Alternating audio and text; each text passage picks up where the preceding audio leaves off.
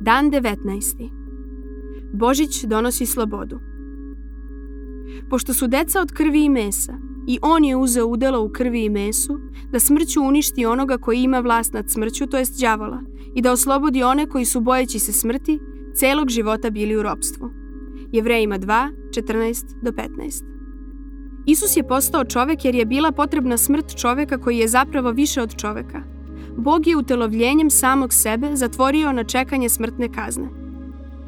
Hristos nije rizikovao smrt, nego ju je izabrao i primio. Baš zbog toga je i došao kao čovek.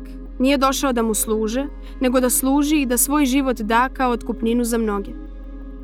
Nije ni čudo što je Satana pokušao da odvrati Isusa od krsta, i u pustinji i kroz Petrova usta. Hristov krst je Satani doneo propast. Kako ga je Isus uništio?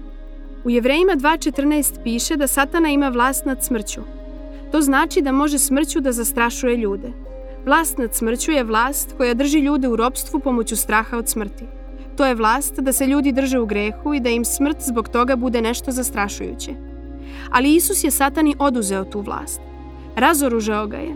Načinio nam je oklop pravednosti, pa smo imuni na đavolje optužbe. Kako je to učinio? Isus je svojom smrću izbrisao sve naše grehe, a satana ne može da optuži osobu koja je bez greha. Pošto nam je oprošteno, konačno smo neuništivi. Satana je imao naum da uništi Božju vladavinu, optužujući Božje sledbenike u sudnici samog Boga, ali sada nema osude za one koji su u Hristu. Satanina veleizdaja je prekinuta, njegovo kosmičko izdajstvo je sprečeno. Knez tame, bjesni sad, ali nemojmo drhtat. Pretrpjet možemo sve napasti i zlo, jer Božja reč ga slomi. Proboden je krstom i neće dugo proći pre nego što izdahne. Božić donosi slobodu, slobodu od smrtnog straha. Isus je u Vitlejemu uzeo na sebe našu prirodu da bi umesto nas umro u Jerusalimu, a sve to da bismo danas u svom gradu mogli da živimo bez straha.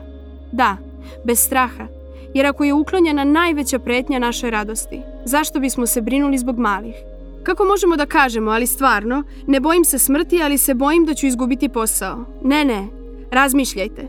Ako smrt, rekao sam smrt, nema puls, hladan, gotov, više nije izvor straha, onda smo slobodni, stvarno slobodni. Slobodni smo da za Hrista i za ljubav preuzmemo bilo koji rizik pod suncem. Više nismo robovi strepnje. Ako vas je sin oslobodio, bit ćete zaista slobodni.